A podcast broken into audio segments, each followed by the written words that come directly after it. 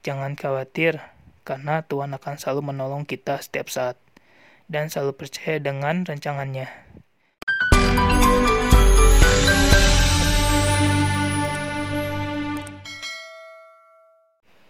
Shalom, Horas, selamat pagi Naposo yang penuh inspirasi. Bagaimana kabarnya hari ini?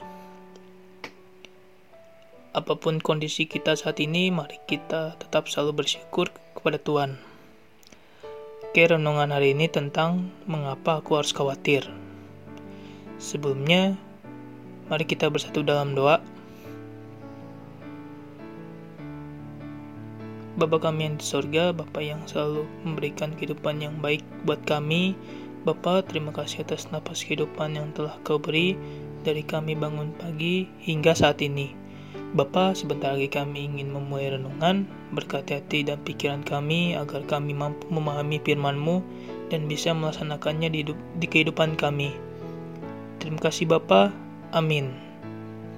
Oke teman-teman, sudah mau ke 4 bulan ya pandemi ini masih menjadi wabah di Indonesia dan beberapa negara lainnya.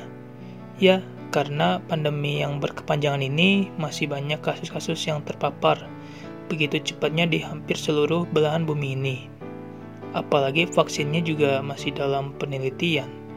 Dan jika ada, itu pun pasti langka dan harganya mahal. Nah, poso yang dikasih Tuhan, apakah kita merasa khawatir? Teman-teman merasa khawatir nggak nih? Pernah nggak terbesit jika keadaan ini tidak berunjung? Mungkinkah orang-orang yang kita sayangi menjadi korban? Sampai kapankah usaha atau mata pencarian harus berhenti? Atau bisakah aku melanjutkan hidup ini dengan baik? Apakah kekhawatiran-kekhawatiran ini akan bergaung terus dalam pikiran kita? Yuk teman-teman, kita mau belajar dari Tuhan Yesus sendiri. Seperti yang dikatakan Tuhan Yesus kepada murid-muridnya dalam Lukas 12 ayat 22 sampai 23. Saya akan bacakan untuk kita semua. Lukas 12 ayat 22 sampai 23. Karena itu aku berkata kepadamu, janganlah khawatir akan hidupmu, akan apa yang hendak kamu makan, dan janganlah khawatir pula akan tubuhmu, akan apa yang hendak kamu pakai, sebab hidup itu lebih penting daripada makanan, dan tubuh itu lebih penting daripada pakaian. Wah, dari ayat yang sudah kita dengar sebelumnya, apakah ini artinya Tuhan Yesus melarang kita makan, minum, dan pakaian? Sorry, berpakaian. Tentu tidak, dan bukan itu maksudnya.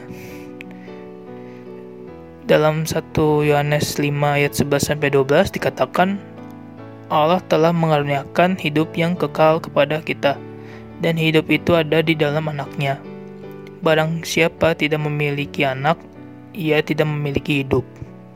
Jadi teman-teman, kekhawatiran dan kecemasan yang kita simpan terus-menerus tentang apa pun juga pasti berdampak buruk bagi bagi bait Allah dalam tubuh kita dan kehidupan kekal nantinya. Karena itu, serahkan dan percayakan segala persoalan dalam seru doa. Hilangkan kecemasan dan khawatir karena itu, untuk hidup yang kekal saja, Allah sudah memberi jalannya, yaitu dengan mengutus anaknya. Apalagi untuk kebutuhan dan masa depan kita di bumi ini. Benar nggak? Tuhan juga pasti sudah mempunyai rancangan-rancangan yang indah dan pemeliharaan atas kita dan tidak terputus. Percayalah, merasa khawatir itu memanglah wajar tapi jangan sampai berlarut-larut ya teman-teman aposo. Karena kalau kita berlarut-larut akan menjadi dampak yang buruk nantinya. Nah, aku punya tips nih kalau kita sedang khawatir. Pertama, menyerahkan segala kekhawatiran kita pada Tuhan, sebab Ia yang memelihara kita. Ayat ini terdapat pada 1 Petrus 5 ayat 7. Selanjutnya, mengarahkan pandangan kita pada Tuhan dan percaya sepenuh hati.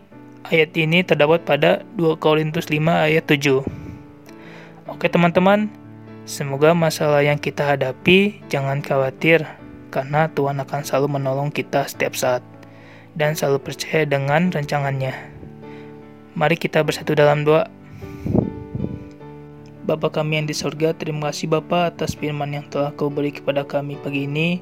Dalam firman-Mu, kami mau belajar mengutamakan Tuhan dalam hidup kami dan mencari kebenaran dalam firman-Mu, supaya rasa khawatir ini tidak berkuasa atasku. Kami juga yakin Bapa atas rancangan-rancangan-Mu selalu manis untuk kehidupan kami. Terima kasih Bapa, kami serahkan semuanya kepadamu. Amin. Demikian renungan kita hari ini. Selamat pagi dan selamat beraktivitas. Tuhan Yesus memberkati. Shalom. Horas.